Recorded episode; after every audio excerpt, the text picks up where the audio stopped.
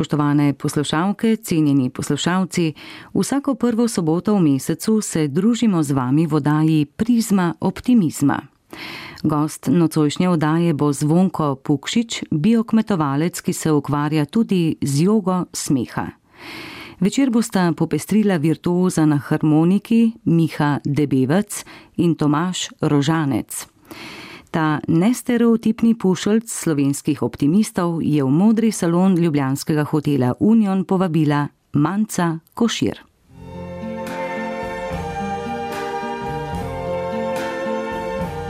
I see trees of green, red roses too. I see them blue for me and you. And I think to myself, what a wonderful world.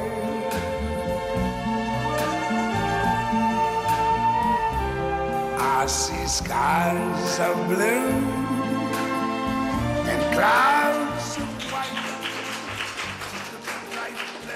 Prijazen dober večer vsem, ki ste se zbrali tukaj v hotelu Union, ker veliko vas je, veseli smo vas in prav lepo zdrav tudi poslušalkam in poslušalcem pred radijskimi sprejemniki. Nocojšnji gost odaje Prizma optimizma, ta odaja si prizadeva uh, gojiti veselje do življenja, uh, zaupanje, smeh in radost, je nenavaden biokmetovalec Zvonko Pukšič. Ampak, ker eh, na kmetih niso vajeni nastopati pred radijskimi sprejemniki, ima zdaj le čisto, čisto malce treme in zato bova za začetek izvedla eno kratko proti tremi in strahovom vajo, ki je eh, vključena v tehniko EFT, To je tehnika emocionalne osvoboditve, nekateri rečemo tapkanje, trkanje. Dragi zvonko, začniva, jaz bom pa govorila, kako tole delava. Torej, udarjamo se po meridijanih in sicer začnemo najprej eh, po dlani, tukaj le pod prstom na koncu in si govorimo. Čeprav, kako zvonko, kaj si govorite? Čeprav imam tremo danes, se popolnoma in v celoti sprejemam. Torej, čeprav jaz nimam treme, ampak se tudi popolnoma in v celoti sprejemam. In potem eh, se začnemo narahlo udarjati vrh glave in si kaj pripovedujemo. Joj, dragi poslušalci pri sprejemnikih, ko bi videli, kako lepo vadimo tale EFT tukaj le v Unionu, imenitno. Tukaj le se trkamo in si govorijo, presnita trema, pa, pa sem rekel, da jo ne bom imel, ali kaj takšnega zvonko, kaj recimo. Ja, recimo, recimo lahko tako začnemo. Potem pa gremo niže po meridijanskih točkah. Ne, nad obrvmi, nad očesom, potem po sencah, udarjamo se tako sedem, osemkrat in si zraven govorimo, lahko tudi malce preklinjamo, samo da gre ven ta trema, ali pa nervoza, ali pa jeza, ali pa strah pod očmi, pod nosom, evo, kako mi gre to na živce, mi postaja kratko le vroče, to je pa najbrž mena, potem po bradi, potem se uh, udarjamo tukaj le po ključnici in si rečemo zvonko kaj, naprimer. Ja, lahko vključimo tudi pozitivne trditve za razliko ne? in lahko Super. rečemo, uh, vse bo šlo, vse bo vse v redu. Vse bo vse v redu in že kaže, da je že vse v redu. Potem se še pod uh, pa z duho, ja, prav super nam gre. Potem še tukaj le moški in ženske pod srcem malce razlike, se udarjamo pod srcem. In potem se začnemo na notranji strani prstov, pri nohtih na palcu, na kazalcu, na sredincu, prstanec opustimo na mezincu in gremo spet tukaj le na uh, dlan in rečemo, mislim na roko in rečemo, kljub temu, da se popolnoma in v celoti sprejemam in se imam rada. Torej še enkrat dober večer. Ali čutite, kako ste prezračeni? Ne?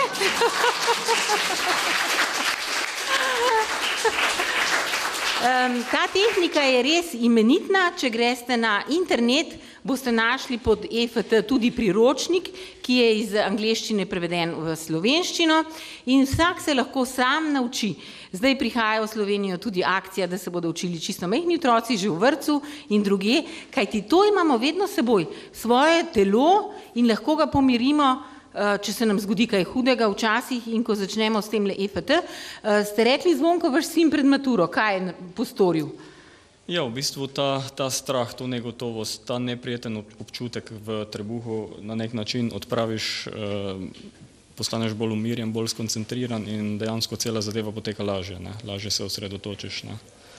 No, zdaj naj najprej povem našim dragim obiskovalcem in poslušalcem, kako to, da tukaj sedi Zvonko Pukšič, biokmetovalec. Ravno prijateljica Sabina Šilc, ki se ukvarja s to EFT metodo, je rekla, da si z njim dopisuje in da kadar dobi njegove uh, maile, njegova pisma, je vsa presenečena, kot da bi ji odgovarjal filozof. In uh, sem rekla, da ti meni njen, njegov uh, elektronski naslov oziroma uh, njegovo internetno stran. Takoj sem šla na internet in sem začela brati tole. Poslušajte. Pred 50 leti je sklenil, da bo obnovil vinograd, moj dedek. Imel je denarja za sadike in v kleti 30 litrov vina. Poleg tega je imel dobro urodje, lopato in motiko in čvrste, močne roke, vajene težkega dela.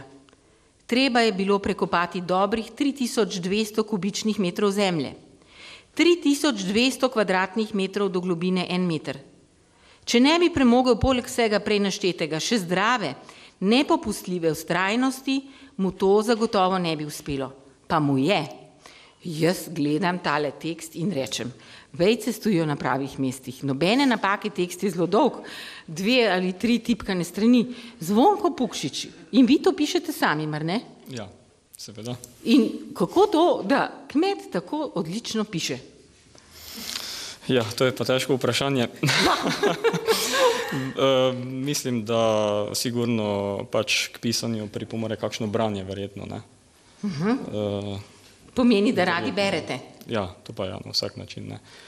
Ampak, knjige, ja, knjige? knjige so strašno dragocene in v bistvu knjige uh, so mi dobesedno spremenile življenje, ne, oziroma spremenil sem ga sam s pomočjo informacij iz knjig. Ne. Uh, pa začniva najprej pri tistem uh, starejšem življenju, če smeva tako mhm. reči. Uh, vi ste tole kmetijo dobili v dedovanje ali ne? Najprej, ja, od vaših staršev. Najprej nam povejte zgodbo te svoje kmetije, uh, kaj ti zgodil se je potem nek preobrat, ampak pripovedujte te, kako se je pravzaprav začelo z vami.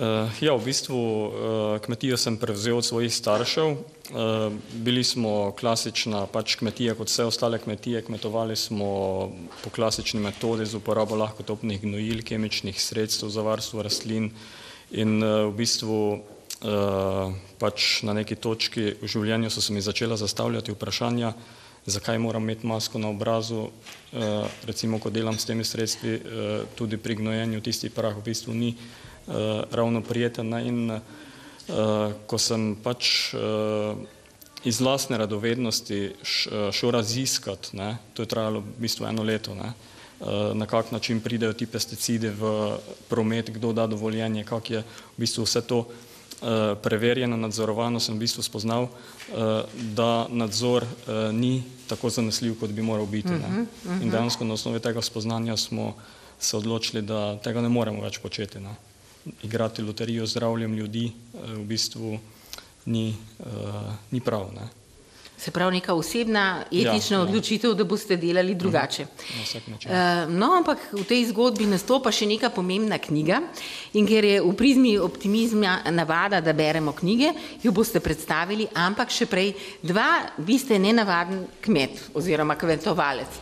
Imamo pa tudi dva nenavadna harmonikarja, kajti stereotip je, na, da harmonikari igrajo na veselicah, ne, če koga poznamo, avsenike, slake, pa še koga, ampak tile, tale dva sta pa prava umetnika, virtuoza na harmoniki in eh, enemu je ime Miha Debevec, drugemu pa Tomaš Rožanec.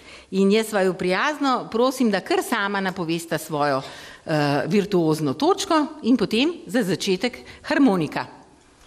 Lep pozdrav tudi na enem imenu.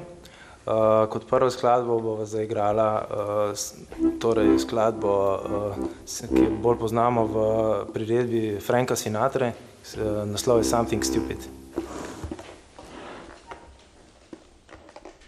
thank you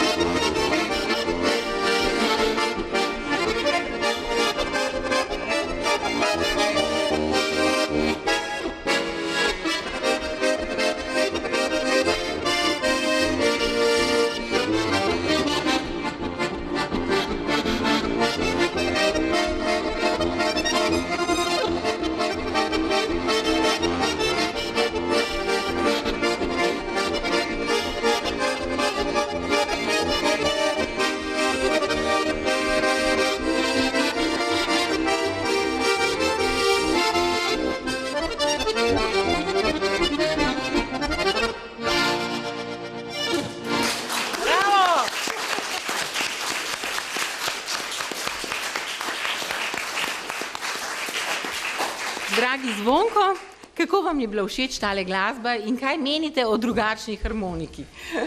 Ja, super. Ne? V bistvu mene osebno še posebno harmonika prav dvigne, prav dviguje me. Bi kar zaplesal. Torej, prava glasba za vas. ja. Super in uh, naša fanta sta res nekaj posebnega. Ne? Res. Je, uh, vi poslušate tako kaj glasbo, imate kakšne posebne um, afinitete, grda slovenska beseda, nagnjenja? ja, v bistvu všeč mi je uh, naša glasba, narodna glasba, všeč mi je v bistvu skoraj prav vse, ampak uh, ne poslušam prav dosti. Aha. No, zdaj pa uh, naša glasbenika. Uh, Miha vas malce bolje poznam, ker ste diplomirali na fakulteti za družbene vede in sem sedela v komisiji, kjer smo z navdušenjem poslušali zagovor vaše diplomske naloge o harmoniki. Uh, povejte nam, kaj ste takrat proučevali, do česa ste prišli, kajti uh, oceno odlično ste dobili zato, ker je bila naloga inovativna. To se še prav dobro spominjam. Ja. Ja, res je, ja, se spominjam uh, tega zagovora. To je bilo že, mislim, da leta 2003. Uh, jaz sem se že takrat kar aktivno ukvarjal v bistvu s tem, na kakšen način bi uh, nadgradil to ljudsko glasbilo, to diatonično harmoniko, na katero se je takrat uh, večinoma preigravalo, pač so se preigravale preproste ljudske narodno-zabavne skladbice. In mene je takrat že zanimalo, na kakšen način bi pač nadgradil ta inštrument. Uh, hotel sem tudi, pač, da bi žanrsko čim bolj mm -hmm. raznolike stvari uh, igral na to glasbilo. In takrat sem pa potem uh, na fakulteti za družbene vede poskušal to, te, ta svoja takratna dognanja v bistvu uh, vključiti tudi v, v samo diplomsko nalogo. Diplomska naloga je bila tako multidisciplinarna, um, zanimal me je, pač inštrument me je zanimal iz eh, večjih različnih vidikov, iz uh, pač kulturoloških, socioloških, eh, etnomuzikoloških uh mhm. -huh. vidikov in potem sem pač uh, notor poskusil vključiti tudi ta svoj doprinos in pač zdaj to, kar malo s Tomažem, je zdaj eden od, za, od teh projektov, s katerimi se evo, spopadam, v bistvu s harmonikami. Super. Tomaš, um, vi igrate klasično harmoniko. Kako sta se pa združila uh, vidva v, v ta par, ki zdaj potuje uh, po domovini in svetu z nenavadno živahno, virtuozno glasbo na harmoniki? Hm. Spoznala sva se v enem zelo znanem uh, ljubljanskem hostlu, hotelu za mlade. Tam se je dogajalo, ne vem, če se še danes, ampak kakšni dve leti nazaj, vem, da so bili ob četrtkih ali torkih. In ti tega več ne vem. Mene take odprte glasbene urice, ko so hodili tja, pač glasbeniki, bolj usmerjeni v to etno smer. Mm -hmm. In jaz sem bil tam s svojim ansamblom, Miha je bil tam s svojim in malo je on igral, malo sem jaz igral. Zdaj, če čisto odkrito povem, sem si jaz v diatonični harmoniki takrat še predstavljal, da je to prekletstvo. V kakšnem smislu prekletstvo? V smislu tem, da nam delajo strahovito konkurenco. Ampak dobro, no, potem beseda je dala besedo, mečkim sva zaigrala skupaj, kar naenkrat sem gotovil, da temu ni tako, ne, da se s tem inštrumentom da narediti ogromno. Če pa ta dva inštrumenta združiš, si pa praktično neomejen. In eh, zdaj ste oba zelo v tej glasbi. Miha, vi ne razmišljate o doktoratu, kar smo malce pričakovali od tako dobrega kandidata? Mogoče bi res ja, v tistem momentu pričakoval neko nadaljevanje. Eh, pri tem študiju, ampak jaz sem se potem, eh, glede na mojo, bi rekel, eh, privrženost in zaljubljenost v glasbo, sem se, sem se kar odločil, da bo to, da bo to nekaj, pač, s čemer se bom jaz uh, ukvarjal v življenju. Jaz sem se sicer že tudi prej zelo aktivno ukvarjal, sem obiskoval največja tekmovanja na svetu mm -hmm. v mhm. bistvu v tem inštrumentu in tako naprej. Ampak pač usporedno sem pa delal tudi šolo in uh, fakulteto. Uh, naj še to dodam, da takrat čist na začetku, ko, ko sem bil jaz v, bistvu v tistih letih, uh, ko izobraževanja uh, v bistvu ni bilo sploh mogoče pridobivati uh, izobrazbe na tem glasbilu, ne, to je v bistvu kategorija ljudskega glasbila, tako da sem, sem se jaz izobraževal v Italiji, mene so starši vozili v Italijo vsak teden, kar je bilo kar zelo, zelo požrtvovalno, bi rekel. Um, takrat, to je bil pravi podvig, vsako soboto in takrat še, še, še spomnim se, tako znamenitim fičko tam smo hodili v Italijo. Ja, ustrajnost, ne kot je zapisal det, vaš zvonko. Ja, in, in no, tako da um, se pa po tem letu, ko sem diplomiral, v bistvu um, odločil, da, da, da se bom kar pač kar resno začel s tem ukvarjati. Tako, tako je tudi ostal pri tem, tako da imam že od tega leta 2003 v bistvu status uh, samostojnega kulturnika in svojo energijo vlagamo v te projekte glasbene. Na plošči ste zapisali, Miha, da ste kar malce zasvojeni, tudi vi, Tomaš, kako pa vaša ljubezen s harmoniko in glasbo? Z glasbo sigurno, zdaj, če sem zasvojen s harmoniko, niti ne vem, mogoče tudi. Predvsem je tole, kar z Mihom počnejo, samo del tiste moje obveznosti dnevne. Um, zaposlen sem na glasbenih šolah, dveh ta trenutek, Trebnje in pa Domžale. Tako da mi že v bistvu te otroci nekako toliko energije popijajo, da včasih sva skregana. EFT, ste se naučili? Sem se naučil. Dobro. Uh, zvonko, zdaj smo pa pri knjigah, ki jih vi tako radi berete. Sem vas prosila, da svojo najljubšo in najpomembnejšo prinesete seboj in če nam jo na kratko predstavite, prosim. Ja, v bistvu uh, to knjigo, uh, naslov je Kuharica za dušo in telo, avtorica je Ica Sitarovasnik, uh, mi je na nek način v bistvu skoraj malo usilila moja najstarejša sestra, ki je takrat na nek način tudi doživljala spremembe v svojem življenju. In knjiga opisuje makrobiotiko, ampak dodatek pismo Jesenska poslanica miru dr. Frances Usman. Eh, ta del je pa v bistvu bil, eh, ta jesenska poslanica miru toliko močen, eh, dejansko se me je toliko dotaknilo, da v bistvu knjig, mislim, pismo govori o resnični povezanosti človeka z naravo, o dobesedno pravem bratstvu. Ne, Med jeseni in drugimi ja, ljudmi, ja, vsemi ljudmi. Ja, nasploh, ja. v bistvu o vsem, kar obstaja. Ne. In kot eh, da bi se na nek način eh, zbudil, ko sem prebiral te vrstice in dejansko je name naredilo eh, toliko močan vtis, toliko se me dotaknilo, da sem moral narediti spremembe v bistvu v svojem življenju. Ne. In ta knjiga je dejansko povod ne, za tiste spremembe, kot da bi se vsul en plas vprašanj, ne, v bistvu potem, ko sem prebral uh, to jesensko poslanico miru in eh, ta vprašanja v bistvu so zahtevala odgovore in eh, dejansko sem šel v knjižnico in iskal, iskal, eh, brskal po literaturi. Izredno dosti sem si takrat pomagal same konkretne informacije okrog nevarnosti pesticidov, recimo iz te knjige Antona Komata, mhm. Pesticidi ubijalci uh mhm. -huh. življenja, redno prebiram njegove članke, vse njegove ugotovitve in v bistvu bi tudi eh, te informacije toplo priporočal vsem ljudem, ki so zdravje uvrstili dejansko eh, med prednostne vrednote, vsem ljudem, ki v bistvu ljubijo svoje otroke. Če imate radi svoje otroke, morate, uh, morate biti toliko odgovorni in dejansko prebrati uh, te informacije, jih uh, raziskati in se potem na osnovi teh informacij odločati v bistvu tudi mogoče sprejeti kakšne spremembe v svojem življenju. Ne. Ker zdravje je pa res uh, zelo, zelo pomembno v našem življenju. Ne.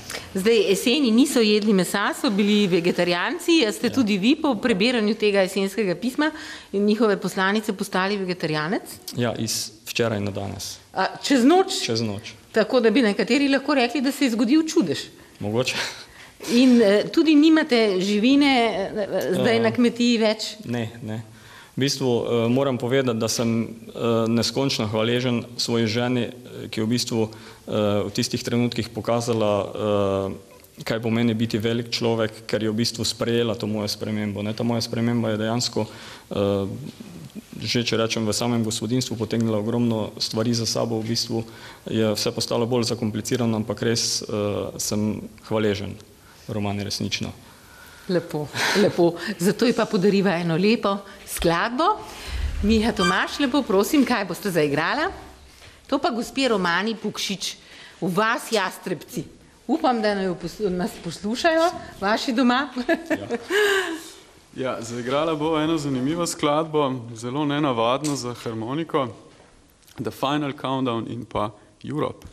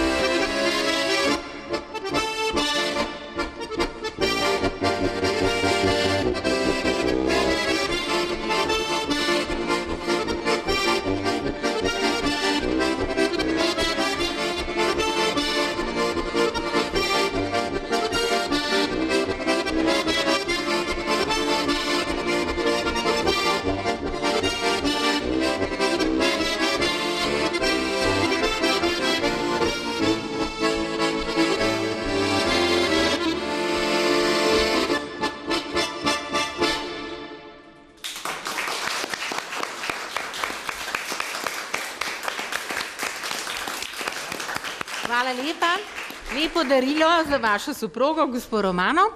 Eh, Ko sem vas takrat poklicala po telefonu, zvonko, eh, ste mi bili tako všeč, da sem rekla, zvone glas, pa še ime mu je zvonko, se morda radi smejete? In vi ste se zasmejali in ste rekli, ha, ha, ha, zelo rad se smejem. Sej se tudi ukvarjam z jogo smeham. In tako sem vas seveda povabila v prizmo optimizma. Eh, Joga smeha, kaj je to? Če nam kaj o tem poveste, zelo nenavadna dejavnost za kmetovalca. Uh, ja, mogoče pa res. ja, v bistvu uh, smeh je naš, smeh je človeški. Vsi ljudje vemo, da je smeh. Ne? In uh, na naši kmetiji smo se nekako zavezali, da bomo delali v smeri, smeri zdravja, da bomo ljudem pomagali uh, na poti k zdravju. Ne. To smo tudi zapisali na spletni strani. In v bistvu uh, ni hrana vse. Ne. Vsi vemo, mm. da hrana je pač en delček na poti do zdravja in v bistvu uh, smehom sem imel uh, dve izredno močni izkušnji v življenju. Ne. Uh, prva je bila, uh, ko smo imeli uh, fantje vaški oktet ne, uh, in v bistvu uh, na nek način, uh, nekaj časa smo delali kar intenzivno, potem smo počasi smo si ustvarili družine in uh, so vaje bile vse bolj poredke, ne, ampak uh, smo bili pa uh, dejansko skupina, ko smo bili uh, od malih nog skupaj in smo imeli ogromno, ogromno uh, stvari, uh, o katerih smo se lahko pogovarjali in so bile res smešne in so dejansko te vaje, uh, ko smo jih občasno imeli, ko smo pač morali iti nekam za pet, ne, uh, so bile v bistvu danes vem, da so bile joga smeha. In uh, po teh uh, pevskih vajah sem bil par dni, ko v nebesih, poln energije, izredno poživljajoče, je delovalo name in to mi je na nek način ostalo v spominu. Ne. Eh, druga izkušnja, če jo na kratko opišem, je pa bila v bistvu uh, v drugo smer, uh, ko je umiral moj dedek. Ne. V bistvu je doživljal izredne bolečine in čisto slučajno, čeprav ne verjamem v slučaj, sva enkrat z Romano zvečer prišla k njemu v sobo in smo se začeli pogovarjati in je dedek začel pripovedovati zgodbe iz svoje mladosti, smešne zgodbe. Ne. In smo se v bistvu smejali več kot uro. Ne v tistem pogovoru tudi on se je smejal in potem na koncu je rekel, veš kaj zvonko, zdaj me pa več nič ne boli. In sva potem z ženo v bistvu vsak večer uh, prihajala k njemu in nikoli ni zmanjkalo teh zgodbic, vedno je bilo zgodbic dovolj in v bistvu mu je bilo lažje. Ne? Uh, in potem, ko sem uh, na internetu pač uh, letos spomladi, ne vem, na pozitivkah uh, našel uh, pač te informacije o uh, jogi smeha in v bistvu Mojca Malek, uh, Eh, je eh, to jogo smeha pripeljala iz Indije ne, in je v bistvu organizirala eh, pač izobraževanje za voditelje joge smeha in sem se pač takoj, ko je bila priložnost, sem se prijavil. Ne. Torej, vi ste zdaj voditelj? Joge smeha. Joge smeha. Nam lahko kaj demonstrirate, pa da se začnemo smejati. Kako to gre? No? Ja, v bistvu, eh, zdaj mogoče čisto na kratko, če opišem, eh, kaj se dogaja, ko se smejimo. Ne. Eh, v bistvu se sprošča uh, hormon uh, endorfin, ki je pač naravno protibolečinsko sredstvo, ki ga iz, proizvaja naše telo in ga izloča v trenutkih, ko se smejimo. Druga stvar pa je v bistvu hor, hormon radosti, serotonin, uh -huh. uh, ki v bistvu nam nudi tisti občutek, tisti prijeten občutek, ko ga čutimo v telesu v bistvu in je spet nastaja med smehom. Ne? In uh, v Indiji pred uh, malo več kot desetimi leti, 95. leta, en uh, družinski zdravnik, uh, dr. Madan Katarija, uh, dejansko tudi raziskoval uh, na nek način ta smeh in ko je ugotovil, kakšni pozitivni učinki, uh, je v bistvu začel vključevati uh, smeh v svoje terapije in uh, začel je ustanavljati uh, klube smeha. Eh, v bistvu v začetku so delali eh, dejansko na takšen način, da so pač pripovedovali šale, in, eh, ki so bile potem vzrok za smeh, potem je pa počasi spoznal, da dejansko za smeh ne rabimo razloga, da naši možgani, naše telo v bistvu ne loči med narejenim in pravim smehom, da se ti pozitivni učinki na vsak način v bistvu zgodijo. In je potem dejansko začel s takšnimi igrivimi vajami, ki nekatere izhajajo iz joge, nekatere so čist eh, pač preproste igrive vaje, eh, ki vzbujajo smeh, eh, pač dosegati smeh pri teh udeležencih te joge smeha. Ne? In v bistvu Super. Res je, smeh pa zdravja pravijo in tudi mnogi zdravniki že priporočajo smejanje pri zdravljenju. E, tudi naši izjemno dobri zdravniki, rdeči noski, hodijo po bolnišnicah in pomagajo otrokom na ta način, da e, jih spravijo dobro voljo, da se smejijo. Potem gledali smo zelo impresiven film o tem prvem zdravniku, ki je začel v bolnišnici uvajati smeh kot terapijo, tako da smejanje je zelo zdravo. A imate kakšen način zvonko, da bi se mi zdaj tukaj vsi začeli smejati, pa da se sliš v prizmi optimizma en močan smeh, ker se mi zdi, da slovenci nismo prav vešči smejanja. Kaj vi pravite ja, na to? Mislim, da se kar premalo smejimo. Ne? Dejansko pred 50 leti smo se smejali vsaj trikrat več, to, so, pač to je ugotovljeno z raziskavami, ja, kot se smejimo danes. A neverjetno. Otrok se zasmeji vsaj uh, 300 do 400 krat dnevno, odrasel človek uh, manj kot 20 krat dnevno, ne? se pravi smeh je v bistvu nam zelo primankuje. Uh, sem pa opazil na sebi v bistvu, če se, če se zavestno odločimo in si izberemo, Eh, določene eh, trenutke, ko smo lahko smo sami, ni pa nujno recimo doma v družini, eh, lahko recimo, ko se toširamo, se odločimo, da se smejimo, naše telo to izredno hitro sprejme in dejansko izredno hitro se navadimo, da se pač tiste trenutke smejimo. Ne. A poskusva? In to je, ja, lahko.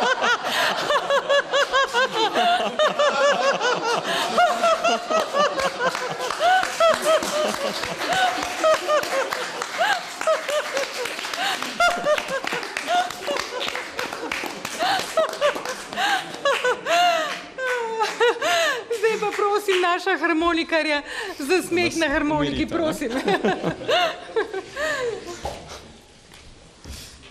Z naslednjo skladbo vas bo popeljala v daljno Argentino in to bo Astro Piazzolla, naslov Libertango.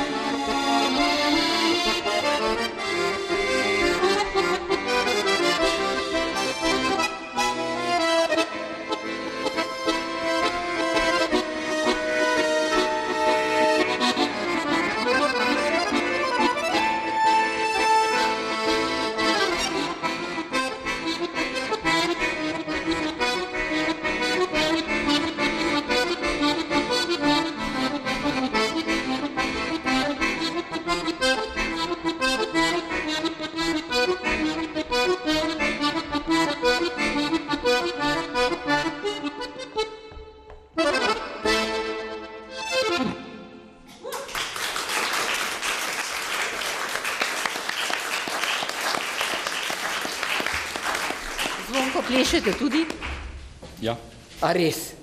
O, en redkih moških, ki rad pleše, tole je bil tak tango.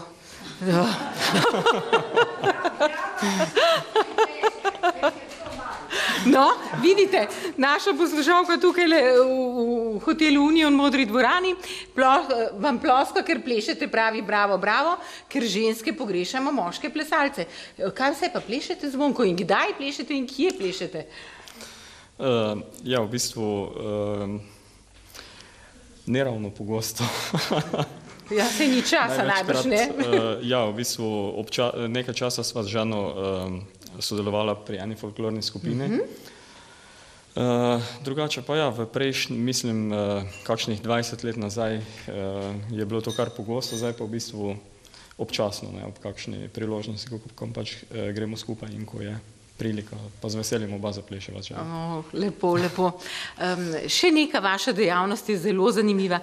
Uh, rekli ste, berete in pišete, ampak vi pišete prav na en poseben način, tako da vam lahko mirno rečemo, da ste naravni filozof, uh, amaterski mi nekako ni všeč, ampak prav naravni življenjski filozof, nekak, uh, neka modrost veje skozi vas, pa me zanima, kako vi to pišete, zdaj pripravljate celo neko knjigo, ne? Uh, zvonko mislimo o uspehu in kaj je res pomembno v življenju in kako lahko vsak človek doseže svoje blagostanje znotraj in zunaj. In to me je tako očaralo, tako da prosim, da nam poveste, kako vi to pišete, kako zaslišite ta glas, ki vam na nek način narekuje modrosti življenja in sveta. Uh, ja, v bistvu uh, mislim, da je to uh, nekako. Uh, najlažje, najlažje recimo, največ stvari spoznam, največ stvari se spomnim, največ stvari začutim, ko recimo delam nekaj zunaj, ne, ko kosim vinogradu. Ne. Uh, ampak uh, včasih nisem dovolj discipliniran, pa nimam zraven tistega listka, pa pisala, da bi lahko vse zapisal. Ne. Uh, v bistvu uh, odvedno me privlači to vprašanje, no odvedno, od tistega trenutka, ko so se mi začela zastavljati vprašanja o življenju. Od tega preobrata po jesenski ja, poslanici. Ampak, ampak posebno pa še zadnjih nekaj let, ne, eh, v bistvu opazujem naravo in vidim izobilje. Ne. Vidim človeka kot delček narave in vidim, vidim ljudi, ki živijo v pomankanju in vidim ljudi, ki živijo v izobilju. Ne. In v bistvu uh, nimam, nisem imel miru, dokler nisem uh, v bistvu uh, našel odgovor na vprašanje, zakaj je temu tako. Ne? In dejansko poleg teh zunanjih dejavnikov, kot so recimo znanje, Eh, tudi, tudi disciplina, tudi spretnost, eh, tudi samozavest in tako naprej. Izredno pomembna je naša notranjost, tisto, kar nosimo v sebi, tisto, kar v bistvu, s čimer nas je življenje opremilo skozi od naše mladosti naprej, ne prepričanja o vseh področjih življenja, ki smo jih dejansko prevzeli od svojega okolja, od svojih staršev, od učiteljev, tudi, tudi religije lahko imajo recimo Eh, močan vpliv na določena prepričanja na določenem področju, recimo, kjer ljudje živijo. Ne? In dejansko, dokler, eh, ne, ne, če hočemo narediti spremembe v svojem življenju, če hočemo doseči karkoli na področju odnosov ali na področju zdravja ali na področju izobilja v finančnem, denarnem smislu, v bistvu ne moremo narediti spremembe, dokler ne naredimo spremembe v svoji notranjosti, dokler ne raziščemo, uh, kaj nas v bistvu omejuje, omejuje kaj nas, nas drži na mestu. Ne? In v bistvu ravno skozi uh, to iskanje uh, spreminjanja lastnih prepričanj sem potem srečal EFT metodo, ne? Uh -huh. ki je v bistvu učinkovita tudi, uh, tudi za spreminjanje teh uh, osebnih prepričanj uh, s pomočjo seveda, s pomočjo usposobljenega terapeuta, ne? ki na nek način nam pomaga, da prepoznamo, kaj je tisto, kdaj smo si v bistvu neko, neko verovanje ne, naložili in ga dejansko nosimo s sabo in na marsikaj smo v bistvu pozabili, sploh ne vemo, da je znotraj. Ne. Ja, te vzorci ne, in ja. vse te reči nas ja. tlačijo in sploh ne pridemo do svojega resničnega jaza, ja, ja. kot bi rekli, do sebstva v, v, v ja. Indici. In uh, vi na nek način takrat, ko obdelujete zemljo, obdelujete uh, trte, meditirate. Mogoče. ja, to je. Uh, Stik z naravo, v bistvu. Ne? Ja, to je morda in popolnoma ste posvečeni, ne vi izstopite iz svojega, vi ne meljete misli, oj, mi je žena rekla to, pa to, ali sem besen na njo trapa, pa to mi ne nehno govori. Vi najbrž ne premljevate kakšnih treparine. Ne. To spoh več v življenju ne delate, ne? Ja, se že kdaj zalotim. Aha, če se zalotite, potem pomeni, da to zavestite. Da se tega zavedam. Ja. Da se tega zavedate. Če ja. se tega zavedate, potem, potem lahko prekinete. Ja, ja. Kaj ti zlasti ženske, drage poslušalke, imamo navado, da premljevamo. Kaj nam je rekel, kaj je mislil, zakaj nam ni telefoniral, ki je bil. Zak... Jo, že vem, da ni bil tam, pa je...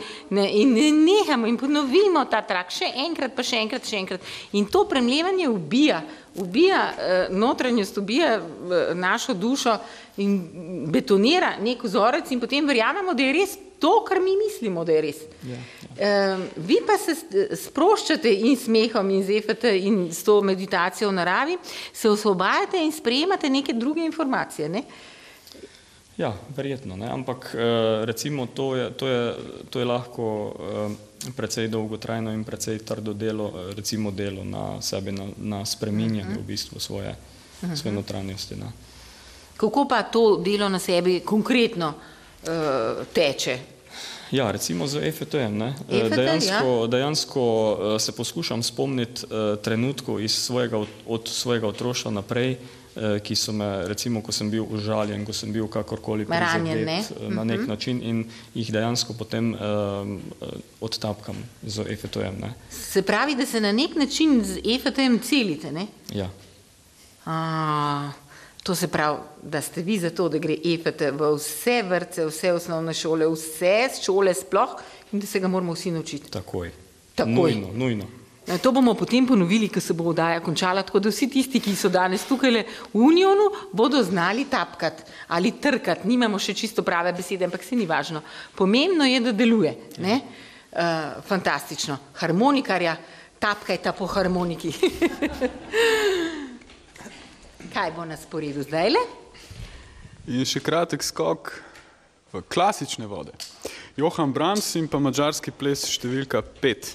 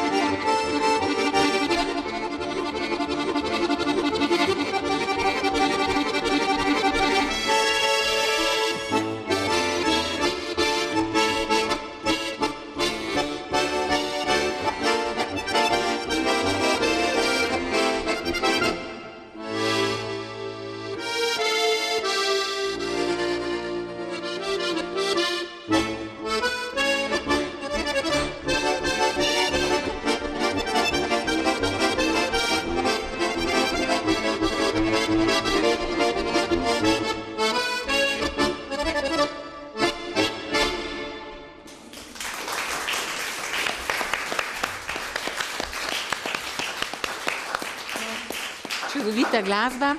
Um, um, dragi Zvonko, še kaj o tem izobilju, ki je vsakem izmed nas, če ga na nek način dovolimo, da se prebudi, da se razživi. Še kaj nam povejte, ker to v teh težkih časih ljudi je strah. Kriza, recesija in so prestrašeni, ampak strah je nekaj najslabšega, kar se nam lahko zgodi. Zato nam še kaj povejte o tem, pa tudi Ja, o se- strahu morda kaj. Vse v bistvu eh, dejansko naravne zakonitosti, ne narava, mi smo delček narave. In eh, človeških zakonov imamo brez števila ne, in v bistvu niti jih ne moremo poznati vseh. Eni, eh, eni izključujejo druge, enega spoštuješ, kršiš drugega. V bistvu v naravi je bistveno manj pravil, bistveno manj zakonitosti, ampak na, ne, na, na nek način smo pozabili na njih. Ne. In eh, ne zavedamo se dejansko, da smo vsi obdarjeni z eh, orodje. Narava nam je vsem zibelko podarila orodja, s katerimi se lahko pomagamo v življenju in v bistvu eh, s temi orodji enostavno jih uporabimo in dopustimo izobilju svoje življenje, ker narava vesolje nam želi podariti, ne? želi nam izpolniti naše želje. Ne? Prvi pogoj, na primer, je ta, da, da sploh vemo, kaj bi radi v življenju. To se mi, to se mi zdi ponekod, mislim, dosti krat izredno, izredno težka naloga. Ne? Recimo izbor poklica, mla, mladi človek eh, odločiti se, ne? izredno pomembno je, prišli smo zato, da bi uživali v življenju, ne? Da, nam ne bi bilo, eh, da nam ne bi bilo težko, da ne bi recimo eh, se veselili petka in preklinjali ponedeljek, ampak da bi se veselili ponedeljka, ko bomo spet lahko šli delati tisto, kar delamo z neznanskim užitkom. Ne. To je bistvo, ne, najti poklic, najti delo, ki, ki nas izpolnjuje, ki se ga veselimo in v bistvu, da s tem opravilom na nek način služimo drugim ljudem, ne, da nimamo v mislih denarja, koliko bomo uh -huh, pač denarja uh -huh. prejeli, ampak dejansko denar pride za tem, sam po sebi. Ne. Enostavno je posledica, moramo, je posledica tega, ne? ker takrat, takrat smo lahko resnično uspešni, takrat, takrat lahko resnično v bistvu smo zadovoljni in tudi radostni. Ne? In tudi, ker eh, resničen uspeh, eh, samo denar ne prinaša v bistvu eh, sreče, radosti, tistega občutka, ne? ki ga čutimo znotraj. To prinaša pač tisto delo, ki nas izpolnjuje, tisti občutek, da pomagamo drugim ljudem, da služimo drugim ljudem, da smo koristni in v bistvu tako naprej. Ne, se pravi, recimo eden pomembnejših eh, zakonov eh, je ta zakon privlačnosti. Ne, naše misli so tiste. Naše misli so tisto orodje, ki jih v bistvu imamo vsi na razpolago. Od naših misli je odvisno. Ne. Eh, strah je naša misel. Ne. Os, mm. V bistvu se z občutkom strahu se osredotočamo na nekaj, tistega se bojimo in eh, vesolje ne loči, ali si mi to želimo, ali si mi tega ne želimo. Mi se na to osredotočamo in dejansko nam uh, to privlačimo k sebi z močjo svojih misli. Ne. Naše misli so izredno močne. In ko se začnemo tega zavedati, ko začnemo to prepoznavati, lahko mi imamo moč, da spremenimo svoje misli, da recimo pot, eh, enostavno rečemo beži proč in izberemo drugo misel. Ne. Eh, zdaj, ker je pa naših misli dejansko v vsakem trenutku brez števila, Eh, so v bistvu naši občutki tisti, ki nam povejo, ali so naše misli tisti trenutek, ker se vseh misli niti ne moremo zavedati. Ne.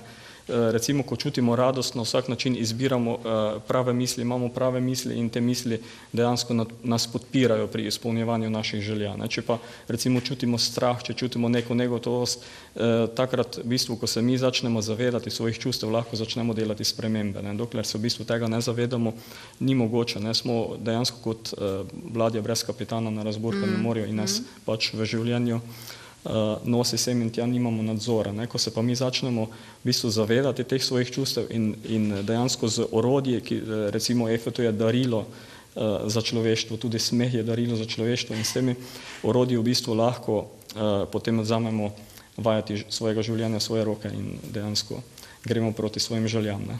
Um, torej, vi eh, zagovarjate trditev oziroma tudi eh, eh, terapijo, če lahko tako rečem, um, realitetno terapijo, teorijo izbire, da človek lahko izbira. Na vsak način. Da se mi lahko, da mi lahko izberemo, da bomo radostni, srečni. Ne glede na to, kar se dogaja okrog nas, vedno, mislim, vedno je to naša izbira. Ne?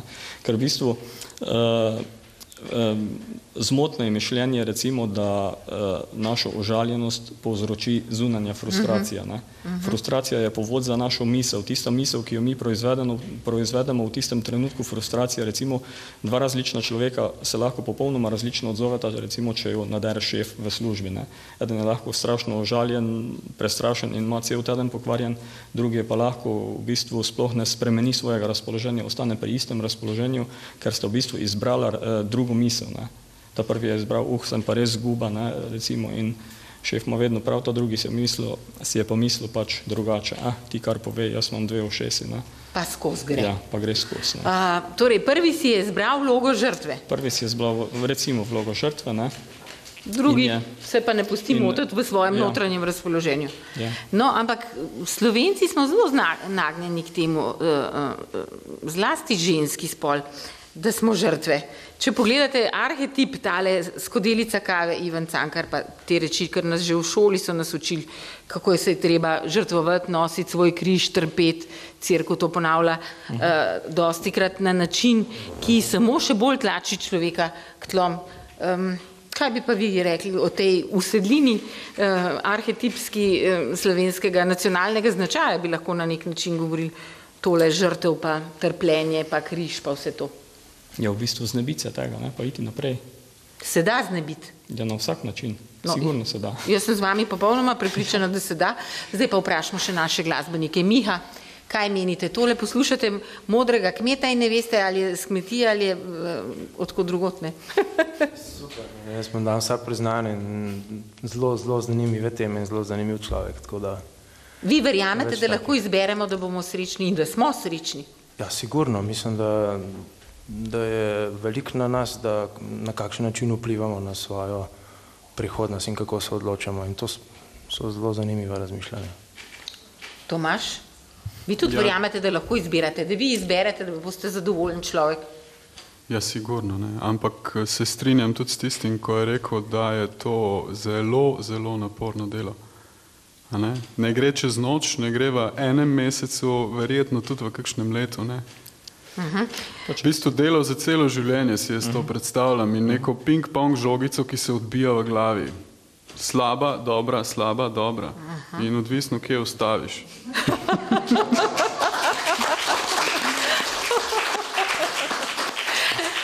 Ko uh, so bile še v starih um, um, socialističnih časih delovne brigade, ne, so bili veliki napisi.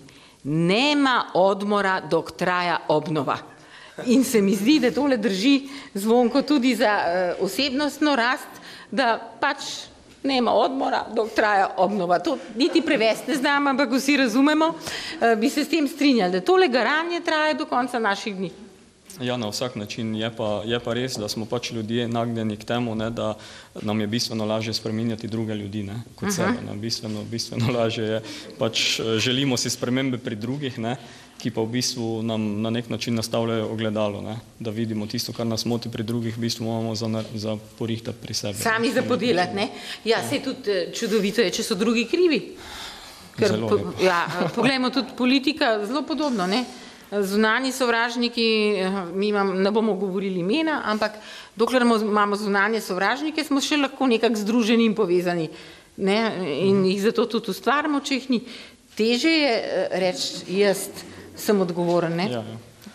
Odgovornost je pač izredno, izredno pomembna in nam dejansko odgovornost je tista, ki nam da nadzor nad našim življenjem. Ne? Recimo, če smo neuspešni, izredno uh, lahko je reči, recimo, šef je kriv, služba je kriva, država je kriva, vlada je kriva, vsi so krivi. Ne? Če smo pa uspešni, smo pa mi, mi tisti, ki imamo zasluge. Uh -huh, uh -huh. Uh, dejansko imamo pa mi zasluge vedno. Ne?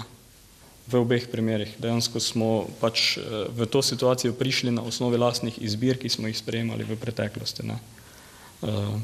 In kakršna koli že ta situacija je, ne? imamo mi moč, mi imamo v bistvu škarje in platno v rokah, da jo lahko spremenimo, ne? ampak je pa naporno. Ne? Je naporno. Ja. No, ker nismo tukaj televizija, ampak smo Radio Slovenija vedno prvi, naj povem, um, kakšni ste, zvonko, kako ste prišli oblečeni. Torej, uh -huh. uh, prišli ste s rajco s kratkimi rokavi, kajti kadar človek gara mu je najbrž vroče, prišli ste v temno uh, modrem predpasniku in na glavi ste imeli tak slamnik. In uh, vaša podoba je res uh, izjemno zanimiva, pa nam še upišite malo, kakšen je v bistvu vaš delovnik, ker tukaj le v mestu si mi težko predstavljamo, kako živi kmet na deželi in to v vasi, ki bi rekli, da je Bogu za hrbtom, vi pa ste Bogu pred obličjem z vsem tem, kar govorite. Tako da zgleda, da tale vas res ni tako deleč, ampak eh, ali en sam ve, kje so jastrebci. Naj dvigne roko, da bomo šteli, koliko je rok. No, roka ena se je pojavila med tole uh, med občinstvom, torej, kakšen je vaš eh, delovnik, kakšen je vaš dan, ne, da ne bom rekla samo delovnik. Kdaj vstajate, ja, v bistvu... kako začnete svoj dan? Različno.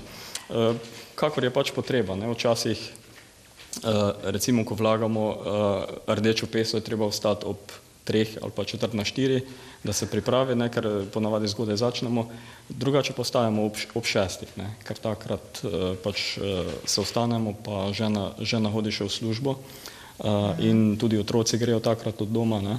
In je večinoma uh, dva fanta, Primoš je starejši, uh, imel zdaj maturo, Peter je pa uh, končuje šesti razred devetletke. In je tudi, sta tudi tako fejst kot vi zvonko.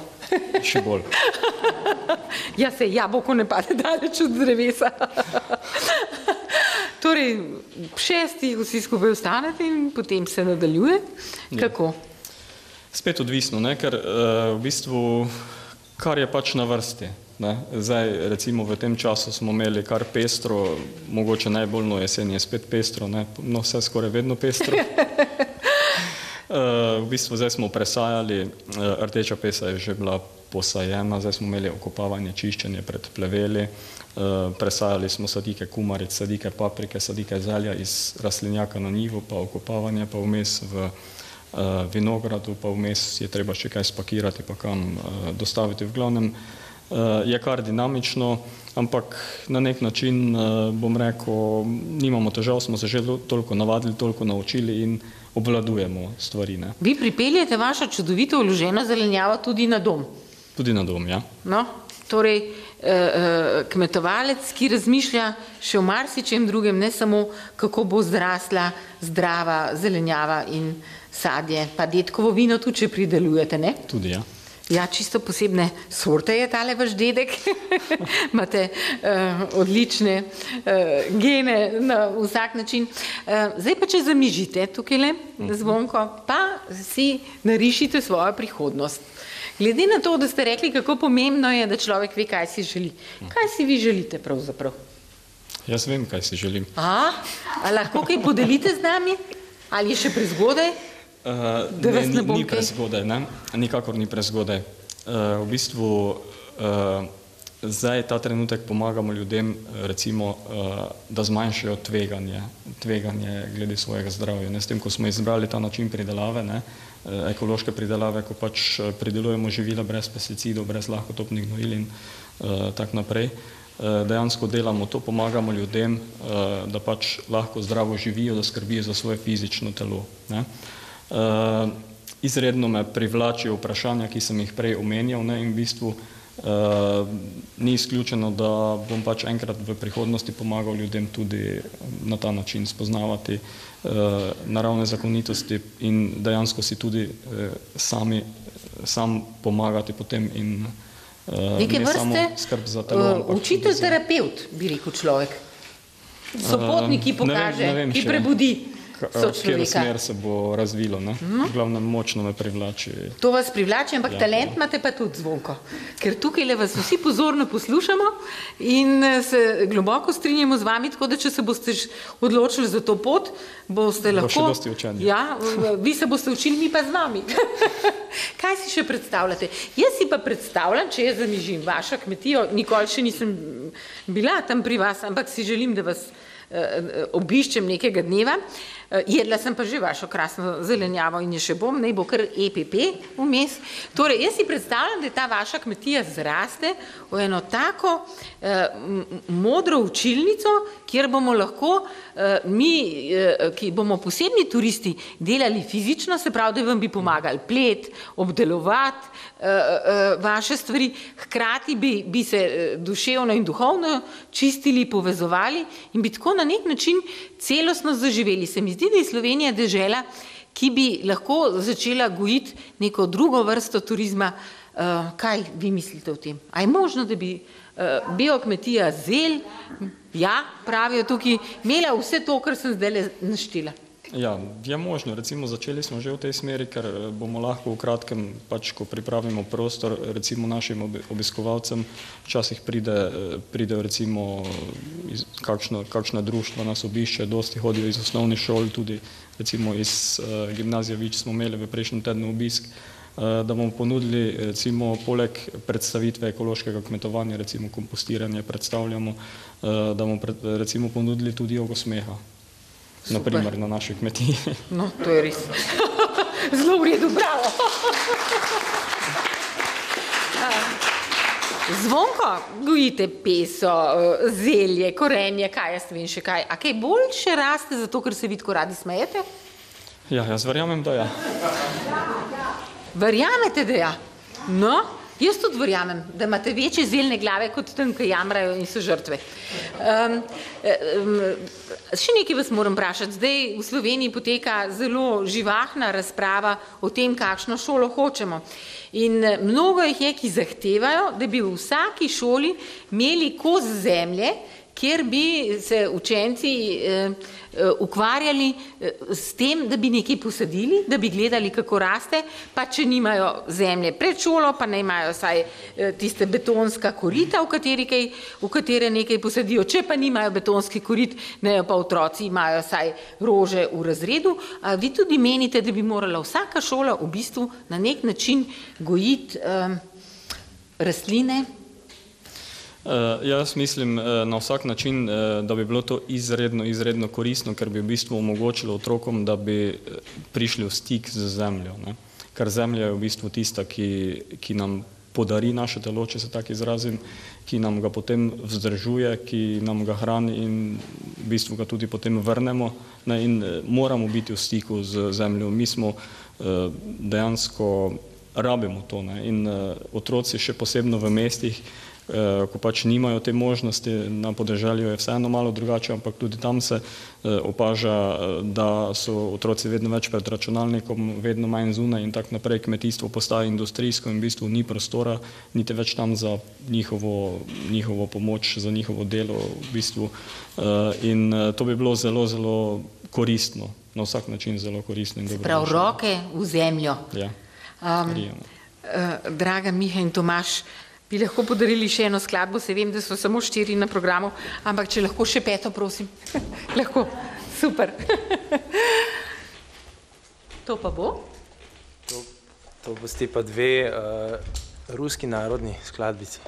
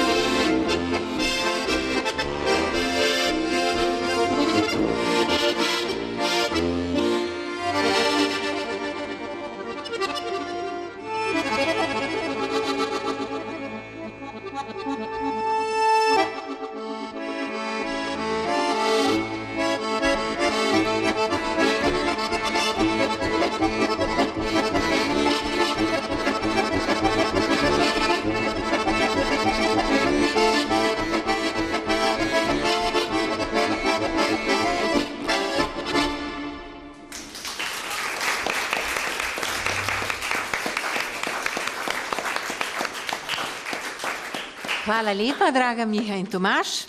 Um, zvonko, vam je esenska poslanica miru spremenila življenje. Pa za konec tele prizme optimizma, morda, če zvonko Pukšič sporoči svojo poslanico poslušalkam in poslušalcem. Ja. Uh...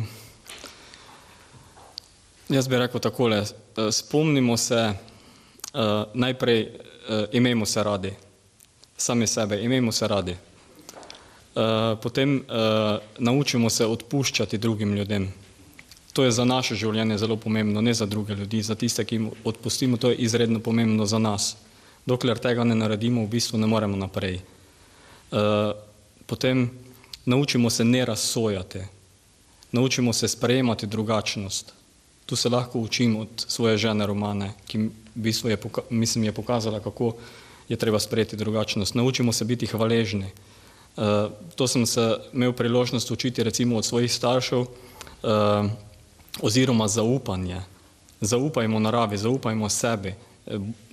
Moji starši so mi pokazali, globoko zaupanje, ko, smo, ko sem rekel, gremo v ekološko pridelavo, ker to pomeni izredno, izredno velike spremembe na kmetiji in so rekli, če misliš, da je prav, pa gremo. Ne? Ni bilo nobene, v bistvu bilo je zaupanje ne? in bila je pomoč. Ne? To je izredno pomembno. In v bistvu razmišljajmo uh,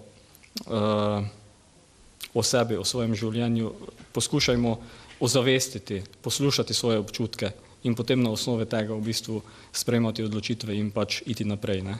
in se smejati čim več. Zvonko Pukšič, hvala lepa za to poslanico. Zaupam, da bo vse več ljudi iz dneva v dan, ki jo bo dejansko tudi živelo. Hvala vam lepa. Hvala, drage poslušalke in poslušalci, da ste bili s prizmo optimizma. Čez mesec dni se slišimo ponovno, eh, vidimo se pa že malce prej, ker so počitnice in bomo oddajo posneli prej, ampak v živo boste poslušali živo čez mesec dni. Hvala vam lepa in prijetno lahko noč. Hvala.